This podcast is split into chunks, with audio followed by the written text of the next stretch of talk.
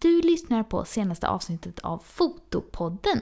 Jag som gör den här podcasten heter Maria Ekblad och jag jobbar som gravid och nyfödd fotograf i Göteborg. Och om du vill se vad jag brukar fota och filma så får du jättegärna gå in på min YouTube-kanal Fotograf Maria Ekblad och prenumerera där. Om du inte redan är med i Fotopoddens Facebookgrupp så tycker jag absolut att du ska gå med där genast. Vi pratar foto varje dag och har jätteroliga och spännande diskussioner där. Och det är enligt mig Sveriges bästa Facebookgrupp för fotonördar. I det här avsnittet så intervjuar jag Marcus Westberg som är en fotograf som fotar både mycket dokumentärt och djur på många spännande platser i världen. Det är ett riktigt spännande avsnitt då Marcus har fått fota på många ställen som många andra inte har haft åtkomst till och jag hoppas att ni kommer tycka om det. Om du lyssnar i iTunes-appen får du jättegärna gå in och lämna en recension för det hjälper mig att sprida podden vidare. Här kommer min intervju med Marcus.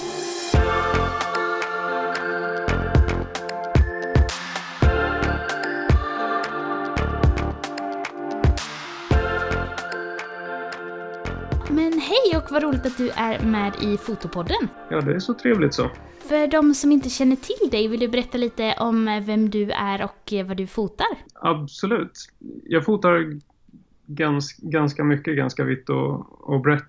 Jag började fota för ett tiotal år sedan ungefär och har fokuserat mest på djur och natur i Afrika, eller åtminstone i början och sen har det, ja, jag har breddat mig lite sen mm. dess. Att mycket resereportage, mycket natur och naturbevarande. Um, fortfarande mycket Afrika, i år väldigt mycket Sverige mm. eftersom jag kan resa någonstans. Och en hel del i Asien och Australien också. Ja, just det.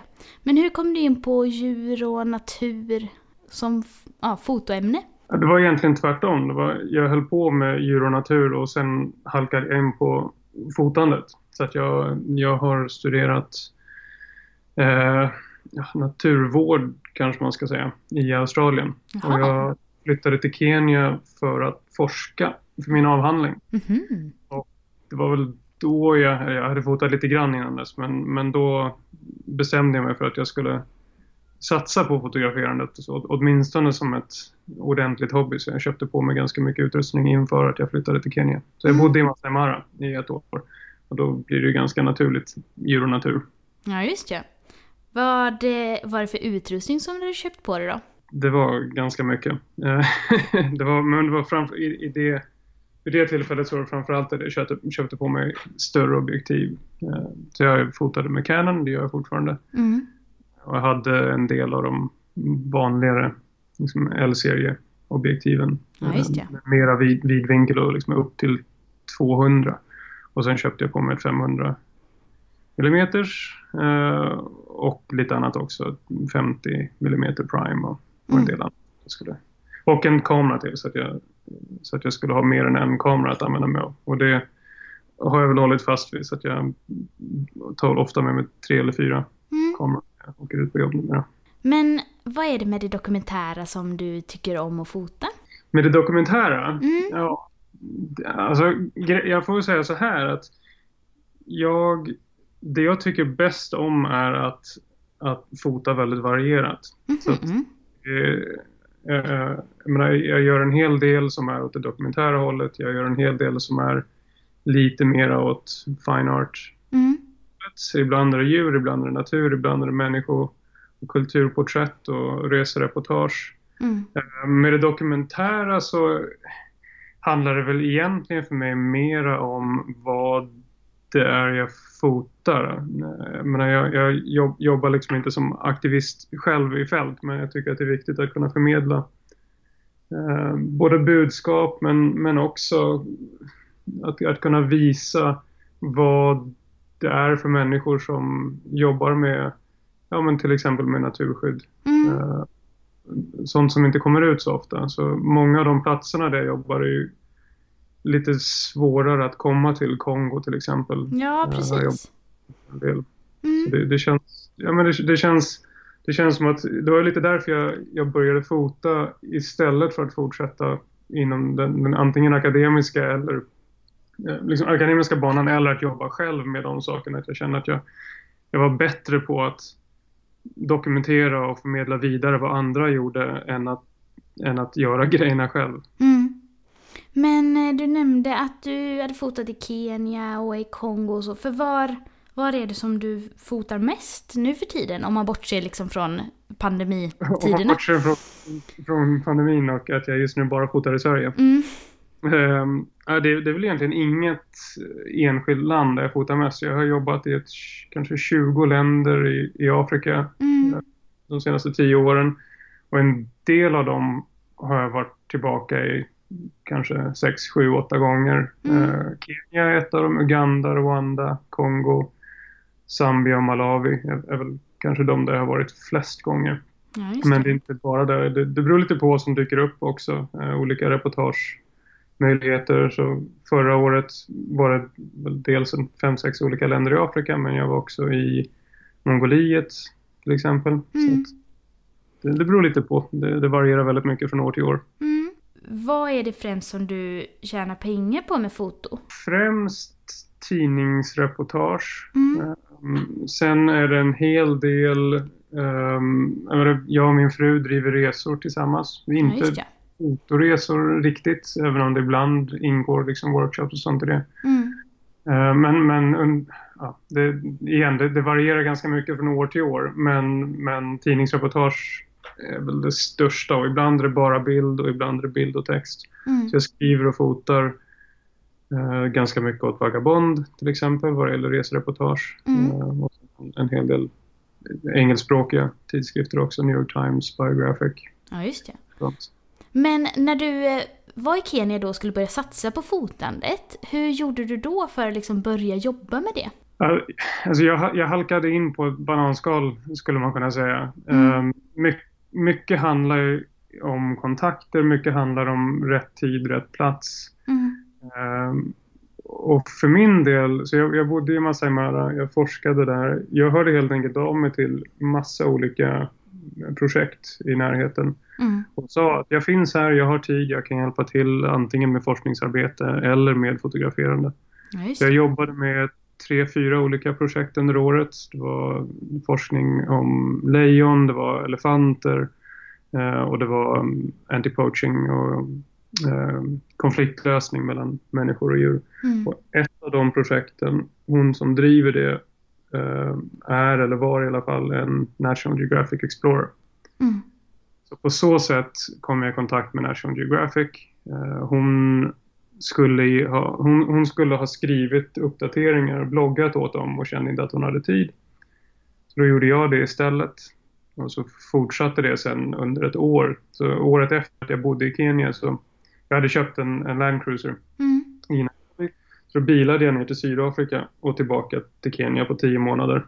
Mm. Eh, framförallt nationalparker och spenderade mycket tid med projekt och, och, då hade det både National Geographic och Africa Geographic de hade ja, bett att jag skulle blogga under den tiden. Mm -hmm. Så det var ett ganska bra sätt att få tillgång till platser.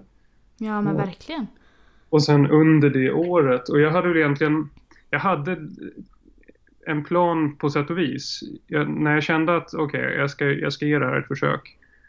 Då bestämde jag att efter tre år så vill jag gå plus minus noll och efter fem år så behöver jag tjäna pengar. Och om jag inte gör det så börjar jag kanske tänka om. Så jag hade sparat en hel del pengar när jag pluggade, både från CSN-lånet och så hade jag jobbat när jag pluggade i Australien. Mm. Uh, och sen gick det snabbare än så. Men, men det var det jag hade, så att jag, jag var liksom villig att ge tre år att, att försöka utan att bry mig så mycket om, om det kom in några pengar eller inte. Ja men vad bra, då låter det ju verkligen som du hade alltså en plan B ifall det liksom inte gick så bra. Ja, men jag, jag känner att tre år kan jag vara borta från liksom, det akademiska och fortfarande ha en chans att komma tillbaka. Mm. Dröjer det allt mycket längre än så så blir det nog svårt att övertyga dem på universitetet att jag borde få någonting att göra där. Ja, men då känns det som att du är ganska kunnig kring liksom, djur och deras beteenden och sådana saker också då? Ja, och, och det var väl mycket, alltså, jo, det är klart, efter de här åren så uh, har jag väl lärt mig en hel del. När jag pluggade var det framförallt naturvård mm. um, och sånt. Och det har varit till väldigt stor hjälp, framförallt vad det gäller att ha fått tillgång till intressanta projekt. Ja. Uh, därför att det, det finns ofta en viss ska säga, kanske tveksamhet vad det gäller att bjuda in fotografer eller journalister. Eh, därför att det är mycket som kan missförstås, det är lätt att komma i vägen. Mm. Men att kunna säga att, att jag, men, jag har inte bara en bakgrund som journalist eller fotograf utan även i, inom det här fältet och jag har jobbat i fält själv. Mm. Det underlättade väldigt mycket och sen efter de första projekten så var det såklart referenser därifrån som, som öppnade många dörrar. Mm. Men hur är det att jobba i lite sådana miljöer som du ser kanske är lite mer svåra att komma åt eller där det kan vara lite speciella omständigheter och man liksom kanske gärna inte då, alltså alla blir inte insläppta? Nej, ja, det, det, det är väl en, en, fråga som både kan besvaras kort och, och långt. Eh, varierande är, väl det enklaste svaret. Mm. Det, det, är svårt att... Och, och liksom, det är inte jättemycket som, som de här olika grejerna har gemensamt egentligen. Det varierar ganska vilt beroende på var man är och vad det är för sorts projekt. Ibland är det säkerhets... Mm. Eh, grejer som man behöver tänka på. Jag jobbar mycket med, med African Parks till exempel, mm. men där står de för säkerheten. Så det är alltså en, en, eh, en non-profit som uh, har hand om 18 olika nationalparker eller andra skyddade områden i 11 mm. olika länder i Afrika. Och en del av de länderna och en del av de områdena uh, är inte jättesäkra. Uh, och en, en, del är helt okej. Okay. Mm. men, men framförallt så Alltså mycket handlar ju om att de jag jobbar med vet att jag håller mig till deras instruktioner. Och jag låter aldrig en, en bildmöjlighet gå före säkerhet. För att det, inte nog med att det skulle vara tråkigt för mig och för min familj om någonting hände. Men mm. det kan också ställa till väldigt mycket för dem. Eh, det, det kan förstöra väldigt mycket både ryktesmässigt och, eh, och, och att de behöver lägga om helt hur de hanterar saker om det skulle vara så att jag är där och deras vägnar mm. inte lyssnar och sen ja, om det blir problem av en eller annan anledning. Ja. Men kanske äh, dum fråga nu, men med, då menar du säkerhet liksom gällande att det kan vara konfliktfyllda områden eller menar du säkerhet kring liksom djuren? Det kan vara både och. Aha, mm. En del av områdena är definitivt så att konflikt Även om det inte, alltså jag brukar inte åka in om det är en konflikt på plats men, men det är ganska svårt att beräkna sånt ibland. Så jag var och jobbade i, i Benin i Västafrika mm. för drygt ett år sedan mm.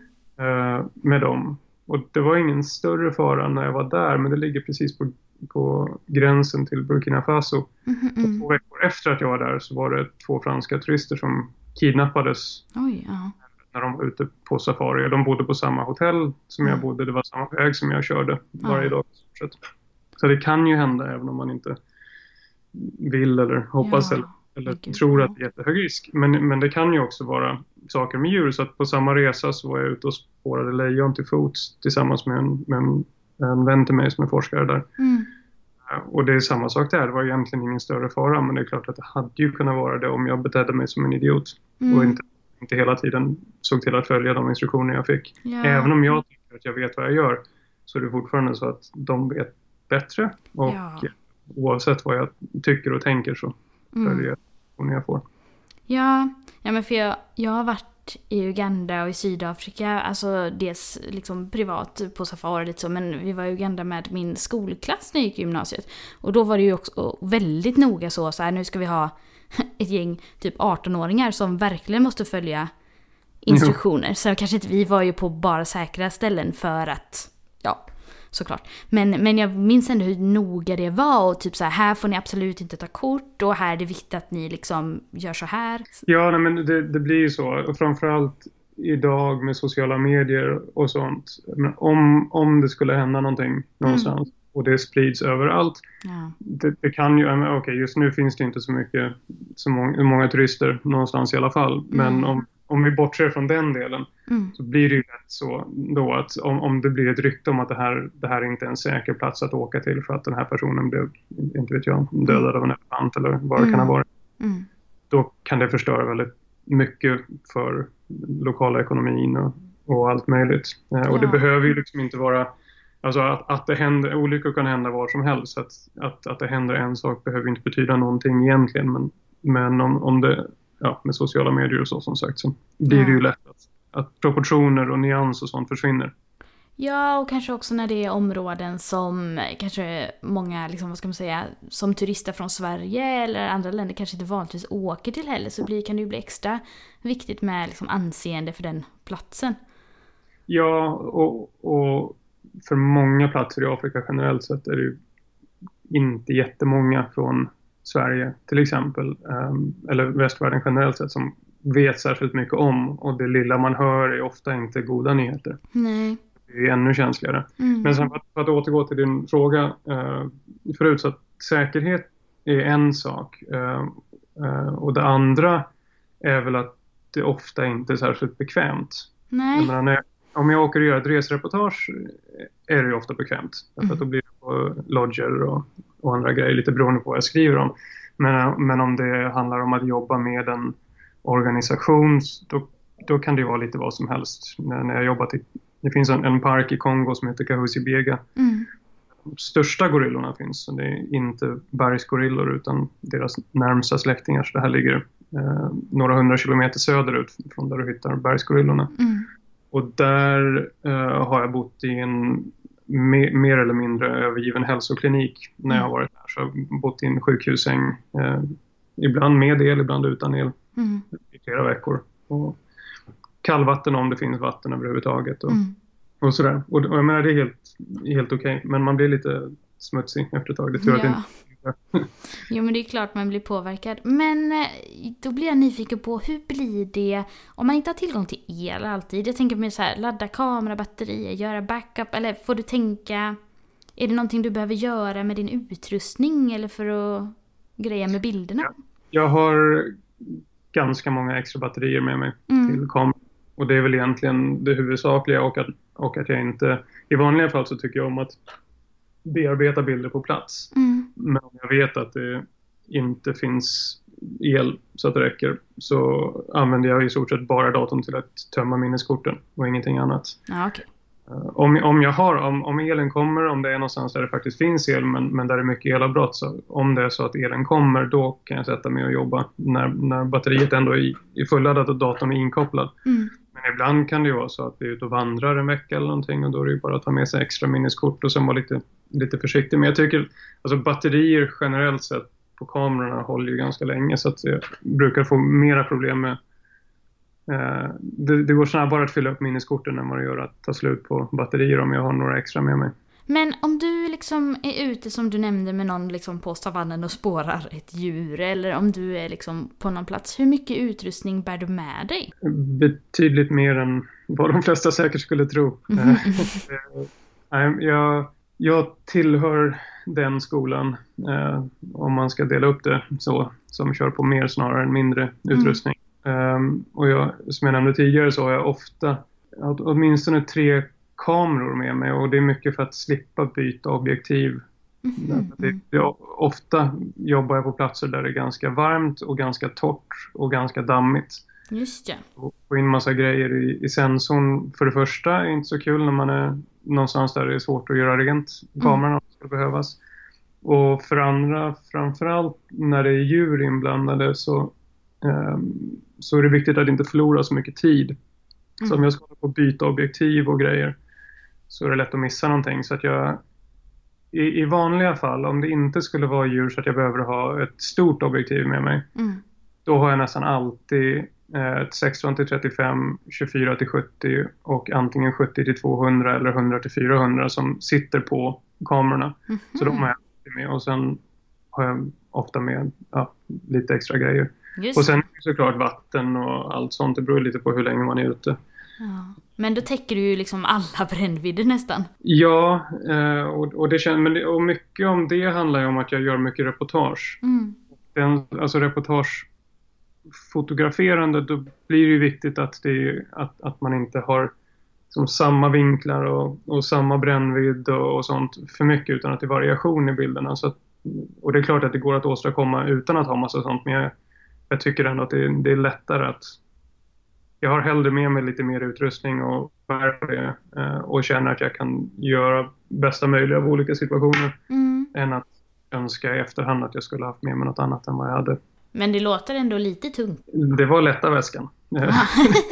Okej, ja. När det är under djurfotografering så, så blir det ofta D plus liksom ett 600 mm. Så Mm. lite annat och eh, eventuellt stativ beroende på hur mörkt det är. Men när du eh, fotar, om vi tänker djur framförallt, vad är det du letar efter när du tar en bild? Känslan, även om det är väldigt vagt att, säga det. Eh, Jag bryr mig, alltså jag tycker generellt sett, oavsett om det handlar om djur eller människor eller, eller vad som helst, så handlar ju fotografering såklart om vad man vill förmedla. Mm. Eh, och det blir ju såklart väldigt mycket om känslor. Men människor är det på sätt och vis det lättaste eftersom det är lättast för oss att, att se när den förmedlingen finns. Alltså när, när det finns en relation mellan fotografen och människorna som fotografen fotar. Mm. Eh, Det är kanske svårast så tillvida att du måste upprätta en äkta relation. Det, Mm. det går inte att fejka, det syns ju i ögonen ifall personen som blir fotad egentligen är uttråkad. Mm. Ja. Och, och det blir, blir inte så roligt som, som du vet också. Ehm, med djur och natur ännu mer på sätt och vis blir det ju utmanande på ett annat sätt därför att det, det är inte lika tydligt så då får man ju försöka skapa det på, på något annat sätt. Jag är generellt sett någon som tycker om att ha djur i landskap mer än närbilder. Alltså närbilder, då, då ska det bli nästan som ett mänskligt porträtt. Då, då behöver det vara någonting med, med blicken eller, eller någonting som gör att det, det, finns en, det finns någonting som förmedlas förutom oj vad jag är nära det här djuret. Mm. Ehm, Men jag, jag tycker om att ha med mer av landskapet om jag kan. Det behöver inte vara att det finns några detaljer i landskapet men, men bara för att åtminstone ehm, säga någonting om var man befinner sig någonstans. ja, just det. Att det blir lite kontext typ. Ja men eh, verkligen. Ehm, Men har du några djur som du tycker är liksom roligare än andra? Jo, alltså gorillor framförallt skulle jag väl säga. Gorillor, schimpanser, orangutanger, alltså människoapor. Det blir ju en interaktion på ett helt annat sätt Mm. eftersom de är så intelligenta och, och så lika oss på, på många sätt och vis. Och, Mm. och unga gorillor till exempel. Händer att de vill komma närmare än vad de egentligen bör och blir nyfikna på kameraväskor och Mm. stativ och, och andra grejer. Så att det, det, det, ja, det, det blir en igenkänningsfaktor när man tar de bilderna också Mm. eftersom det, det är väldigt mänskligt eftersom vi är så nära släkt. Ja, ja verkligen. Och gorillor är lugnare än schimpanser. Så Ja. schimpanser eh, hänger man inte riktigt lika nära eh, av, av olika skäl. Men, men en gorillafamilj som, som har blivit som, liksom invand med att ha människor på nära håll, eh, då, då har man inte så mycket att bekymra sig om. Mm. Tänker du på något speciellt i liksom hur du beter dig eller något som du gör när du är ute och fotar djur?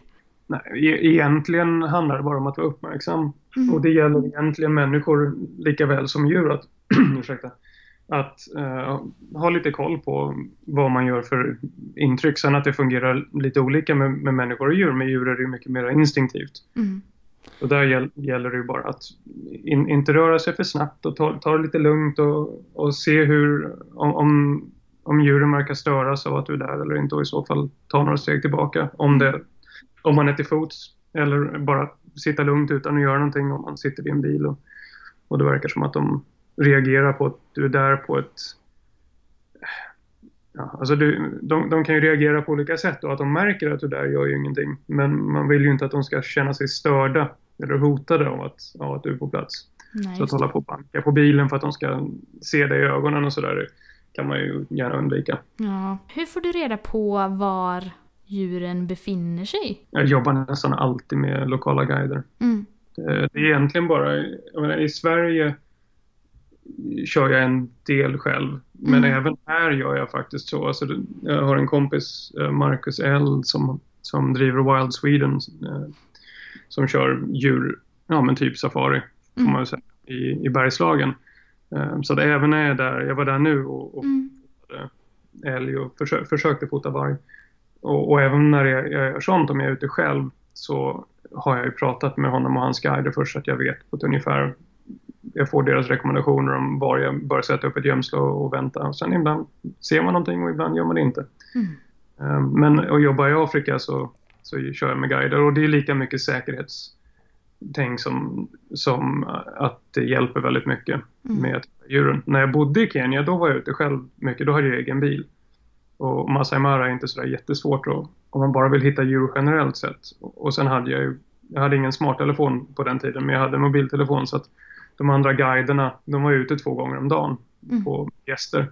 Så då brukade jag fråga dem vad de såg, om det var lejon jag var ute efter, vart de såg sist. Mm. Eller så frågade jag parkväktarna vid grinden. Och om det var så att de visste att jag var ute och de var ute så ibland fick jag ett sms med, med information om vart jag skulle åka någonstans. Men ja, i, i, vanliga fall så ger jag mig inte ut på egen hand. Mm. Har du blivit rädd någon gång under någon fotografering? Nej, eh, det kan jag väl inte påstå, men, men det handlar mycket om att um, ja, alltså dels ha hyfsad koll generellt sett, men sen också göra vad man kan för att undvika farliga situationer. Mm. Sen, sen, brukar inte rädsla hjälpa så mycket i alla fall. Det är bättre att hålla sig lugn och, uh, och fundera på sånt efteråt. efteråt. Men, men det mesta går att undvika och, och då är det liksom inte Nej, det, det, det, kan jag inte säga. Sen har det uppstått lite situationer ibland eh, där adrenalinet definitivt går, går i taket. Men eh, det, det, är inte så mycket att tänka på just då utan det är mer när man kom, kommer in och stänger dörren efter sig efteråt så man kan känna att eh, det var nära ögat. Vad är det som har hänt då? då? Nej, det behöver inte vara något speciellt men, men framförallt när man rör sig till fots och, eh, och det behöver inte ens vara att jag är ute och fotar. Det kan ju vara runt, runt kampen ibland och så helt plötsligt så håller man på att gå in i en elefant när man är på väg till toaletten. Mm. Uh, och det, det, behöver inte, det behöver liksom inte vara så att situationen i sig är hotfull för att man efteråt ska känna att nej, hade jag verkligen gått in i den av misstag så hade det kanske inte uh, blivit så, så kul. Och sen har jag gjort saker instinktivt som ibland har varit lite, lite dumma. Jag vaknade en gång när jag var, jag var på ett uppdrag i, i Chad i Centralafrika. Mm. Och hörde lejon utanför min hydda på natten och blev eh, ja, jag reagerade ungefär som jag brukar reagera så att jag tog mobilen och ficklampan och sprang ut för att se om jag kunde se dem. Sen insåg jag när dörren stängdes bakom mig att jag stod spritt naken på verandan. Och det kanske var tur att lejonen hade gått någon annanstans. Och att inga andra gäster hade gått ur sina hyddor. Ja, verkligen. Ja, när vi var i Uganda då var det, vi var, då var vi på ett safariställe men då var det att eh, ja, man fick gå på toa liksom på ett ställe utanför de hyddorna vi var i. Och då var det en av mina klasskompisar som var uppe på natten och var på toa för hon hade väl inte, hon hade väl ätit något. Men då var det när hon tittade ut, då var det att det var en flodhäst utanför. Så hon blev ju fast där inne på toaletten typ hela natten för hon vågade inte gå sen. Jag, jag, tror faktiskt jag vet till, till och med vilket ställe ni var på. ja, säkert.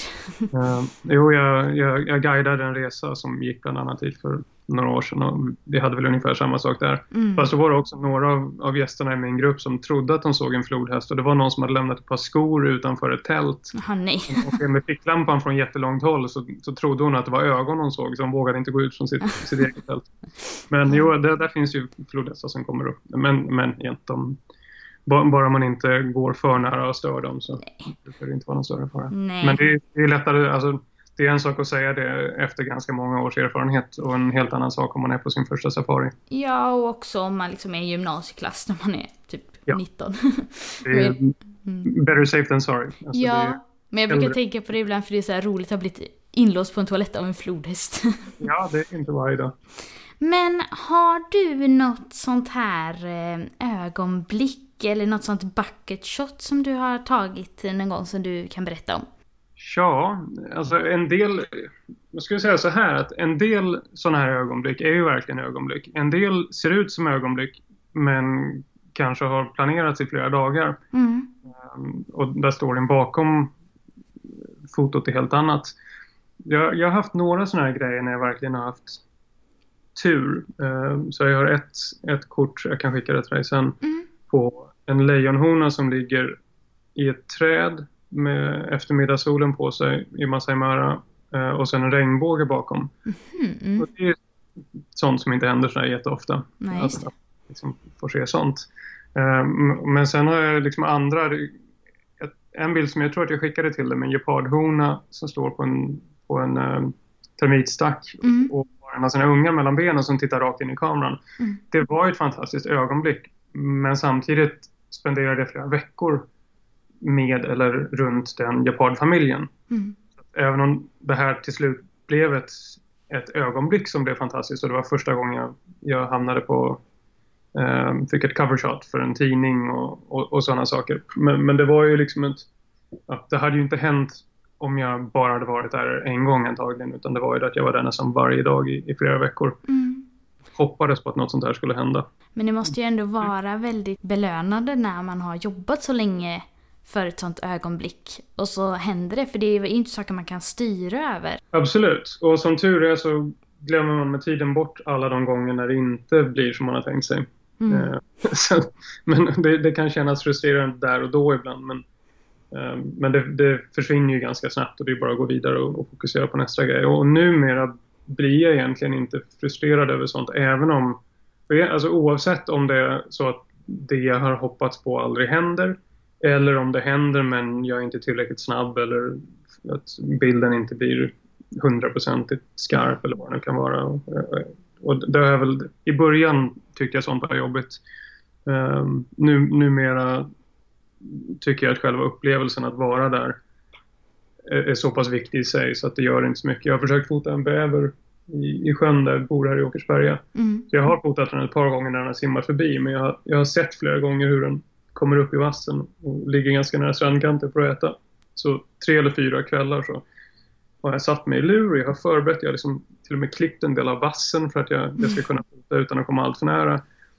Och utan att den verkar märka att jag är där så har den lyckats undkomma mig varje gång. Den har alltid kommit upp liksom på ett nytt ställe som är 6-7 meter bort någonstans och det är fortfarande lite vass i vägen. Så jag, och jag kan inte flytta på mig för då, då blir den rädd. Men, men det gör liksom inte så mycket. Jag tror att min ja, den, den, eh, den chansen har nog försvunnit att, att kunna ta det kortet. Men det, det, är liksom, det är ingen fara. Det var jättemysigt att kunna hänga där och lyssna på bävern när den äter och, och så. Mm.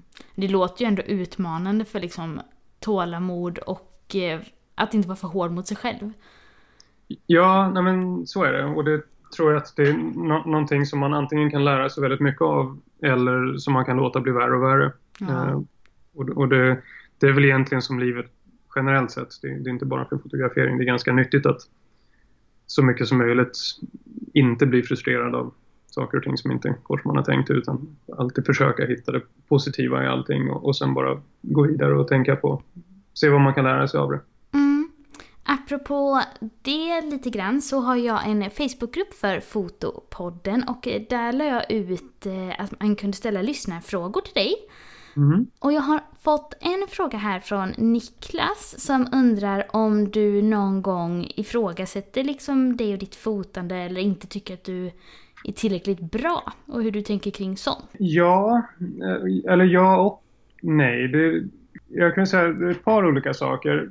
För det första så kan jag bara generellt sett, framförallt ibland tidigt på morgonen, alltså direkt när jag vaknar eh, så kan jag vakna med ångest och känna att Alltså, alltså vad håller jag på med? Vad tror jag verkligen att jag är tillräckligt bra för att kunna, kunna göra det jag gör? Och, vad ska jag göra om det här inte funkar? Och sen brukar det försvinna när jag liksom inte är lika yrvaken längre och inser att ja, men jag, jag har ju faktiskt gjort det här ganska länge nu så det är mm. inte så att jag är precis i början på en karriär. Men sen är det ju alltid så eftersom jag jobbar så pass, eh, så pass brett med, med ganska många olika saker. Um, så när jag tar mig an ett nytt uppdrag någonstans. Och framförallt då om det är någonting där man för det första inte kan kontrollera allting, om det är djur inblandade. Och, och för det andra om det är någonting som ska göras som jag inte känner att jag har gjort flera gånger förut. Då kan jag känna mig orolig och nervös innan jag har fått de första bilderna under bältet. Det brukar, det brukar lägga sig ganska snabbt när jag väl är på plats men jag, det är klart om jag blir influgen, influgen någonstans till ja men säg till Benin till exempel mm. och vet att jag ska vara här i tio dagar och de vill ha det här och det här och det här och det här. Eh, det är mycket press. Mm. Och sen efter ett par dagar när jag känner att okej, okay, men nu har jag en hel del bra bilder. Eh, då, då blir det en annan sak, då, då är det lättare. Mm. Um, så att det, det är väl inte något sånt här generellt och, och, det är egentligen oavsett om jag, jag kan titta på andras arbete ibland och känna att ja, men det här tekniken som ligger bakom det här är någonting jag inte behärskar själv men då blir jag mera inspirerad att ja, men då får jag väl lära mig om jag tycker att det är viktigt, om det här är någonting jag vill göra. Mm.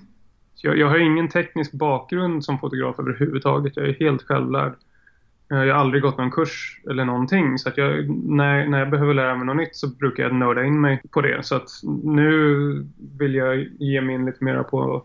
Jag har gjort en hel del nattfotografering men liksom inte så astrofotografering. Men nu har jag köpt grejer för att testa det. Jag har köpt supermakro utrustning och, och håller på att försöka lära mig själv eh, hur man liksom på bästa sätt gör focus stacking om man har många bilder. Det är krångligare än vad jag trodde. Mm. Men eh, det, det, är kul, det är en utmaning och eh, ja, det, det, är ingenting jag bekymrar mig över att jag inte kan. Jag behöver inte vara världsbäst på, på allt. Det, det räcker att, att det mesta går ganska bra. Mm. Vad roligt det du säger om att när man eh, känner att man har liksom tillräckligt för att slappna av. För dels, även om jag fotar gravidfotografering i Sverige så kan jag också känna samma under fotografering att men nu har jag en grund med de här bilderna så då kan man liksom ha lite roligare sen. Och även när jag fotade bröllop förr, då kunde jag ofta slappna av efter ja, men vigsel och porträtt. För då kände jag, men nu har jag liksom det första viktiga här så kan man ha lite... Mm. Resten ja, blir lite bonus. Ja men precis. När man känner att ändå, men det här går bra. På många sätt att det är mera stressigt att göra det du gör. Alltså, ofta när jag är borta då är det ju... Jag kan ju åka bort på ett uppdrag i två veckor. Mm. Så att när jag väl har kommit över den där första delen då, då har jag liksom tio dagar där jag är ganska avslappnad och, och vet att det här kommer bli bra. Ja. Eh, men när man gör kortare grejer, att det är liksom en eller ett par timmar åt gången, då börjar det där om varje gång med varje nytt jobb. Ja, samtidigt som jag då som fotar mest gravid och nyfödda, om det skulle bli katastrof, då kan jag ju ganska lätt boka in en till tid i allra, allra värsta fall. Ja, nej det är sant. Det är lite, lite klurigt för mig. Mm. Jag fick en till fråga eh, på Messenger här, eh, där det var en som undrade vilket är ditt främsta favoritobjektiv till fotografera på savannen? Det beror, nu ska jag vara lite krånglig och säga att det beror på vilken savann. Mm. Det beror väldigt mycket på hur nära du kommer djuren. Och i vissa områden som Samara kan du komma väldigt nära djuren och det är väldigt mycket djur på många håll. Mm. Eh, så då har jag ofta ett 70 200. Mm. Eh, eller jag hade 70 200 när jag bodde i Kenya. Nu kanske jag skulle använda 100 400 bara för att ha lite mera bredd på det. Men, men som sagt, jag, jag, tycker om att ha med ganska mycket landskap. Mm. Men på andra håll när, när det inte är lika mycket djur eller när man inte kommer riktigt lika nära djuren, då använder jag 600 till sådana bilder också. Mm. Jag tror jag på så mycket större, större avstånd. Och jag har en extender till den dessutom eh, som jag använder beroende på om jag vill komma lite närmre i bilden så har jag en 1,4 gångers extender för att få komma ännu, ännu lite närmre. Eh, men, men det skulle vara mellan de två. Sen ibland så är det faktiskt så att är, är du någonstans där, där du har stora djur som inte är särskilt blyga av sig, som elefanter eller, eller giraffer, eh, då, då fotar jag ofta med 24 till 70 också på savannen. Om, om man får in en hel flock till exempel. Sen på slutet här så brukar jag också fråga om tips till den som är nyare och som vill eh, fota sånt som du gör. Börja hemma. Mm. Det, det, är absolut det smartaste man kan göra. Och, och det, för, för, egen del så känner jag att det är jättekul att vara lite fast på hemmaplan nu. Jag hade planerat att vara hemma mycket mera i år än tidigare år i alla fall. För att jag, jag håller på nu och fotar ganska mycket kring eh, gammelskog, skydd av, av gammelskog och annan urnatur i Sverige. Så det kan vara våtmarker och myror och, och sådana saker. Uh, och det är jättekul, det, det, är fantastiskt. Men, men det finns så många fördelar med att börja hemma. För det mm. första så, om, om du vill... Om, om, okay, om vi säger att vi fokuserar på djurfotografering eller, eller liksom dok, dokumentärfotografering av djurprojekt och sånt. Tid och tillgång är bland det viktigaste du kan ha. Och gör du någonting på hemmaplan, precis som du sa, att om, om du i värsta fall skulle behöva boka om någonting så kan du göra det. Du kan återkomma du kan gå tillbaka olika dagar, olika tider på dygnet, olika årstider. Eh, det är ingen press på att man ska få allting rätt första gången. Eh, och du kan liksom gå igenom bilderna och se att det här skulle jag vilja testa nästa gång och det här är en, en vinkel jag inte fick riktigt rätt den här gången. Och för det andra så är det ofta mycket eh, eller det finns två, två saker till egentligen. Att du, du tävlar inte alls med samma kaliber av människor. Alltså om du, om du åker på safari till Kenya och, och, tror att du ska använda det för att slå igenom som fotograf, då tävlar du med världens bästa djurfotografer för att alla åker dit och många bor på plats eller är där flera gånger om året.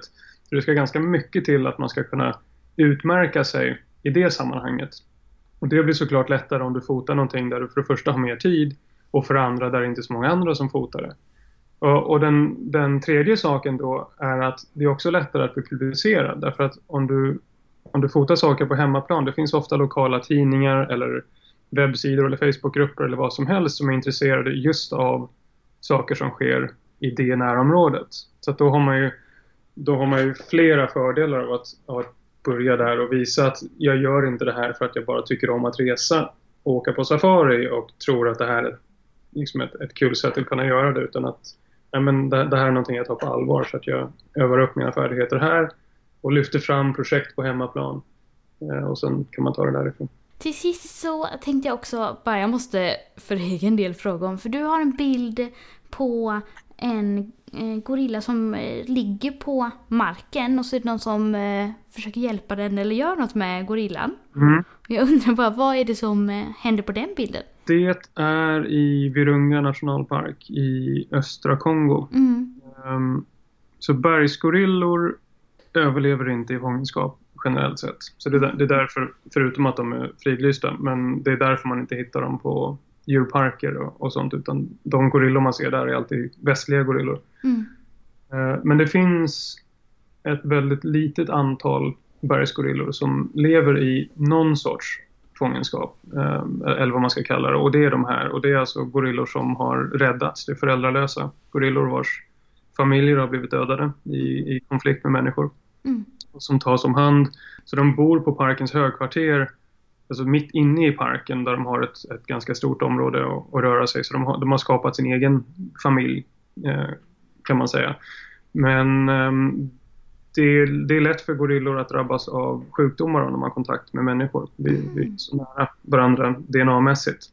Så de kan drabbas av, av eh, ja, framförallt um, influensa och, och, tuberkulos och den sortens grejer. Mm -hmm. Så en gång om året så får de här gorillorna som lever där en ordentlig hälsogenomgång av de veterinärer som jobbar med gorillor i fält. Uh, och det var ett uppdrag. Jag var där och jobbade med dem i, i fem veckor. Uh, bland annat i den här parken jag nämnde förut, i Kahuzi-Biega. Mm. Det här är då undersökningen av de föräldralösa gorillorna. Jaha, okej. Okay. Ja. Ja, jag blev bara så nyfiken. Bara, vad är det som de gör? Dessutom där jag träffade min fru, så hon är en av veterinärerna i bilden. Jaha, roligt. Ett speciellt uppdrag på av flera olika anledningar. Ja, verkligen. Extra berörande bild då. Ja. Men om man vill hitta dig och dina bilder på internet, vart går man då? Jag finns lite eh, överallt. Kommer nog fram ganska lätt om man googlar, men webbsida är marcuswestberg.photo med ph och Marcus Westberg Photography på Instagram och Facebook. Mm. Fotopodden hittar ni på Facebook, Instagram och gå med i Fotopoddens Facebookgrupp om ni inte redan är med där. Och mig hittar ni på fotograf Maria Ekblad på Facebook, Instagram och Youtube.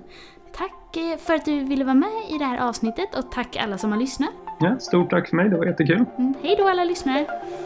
Hej då.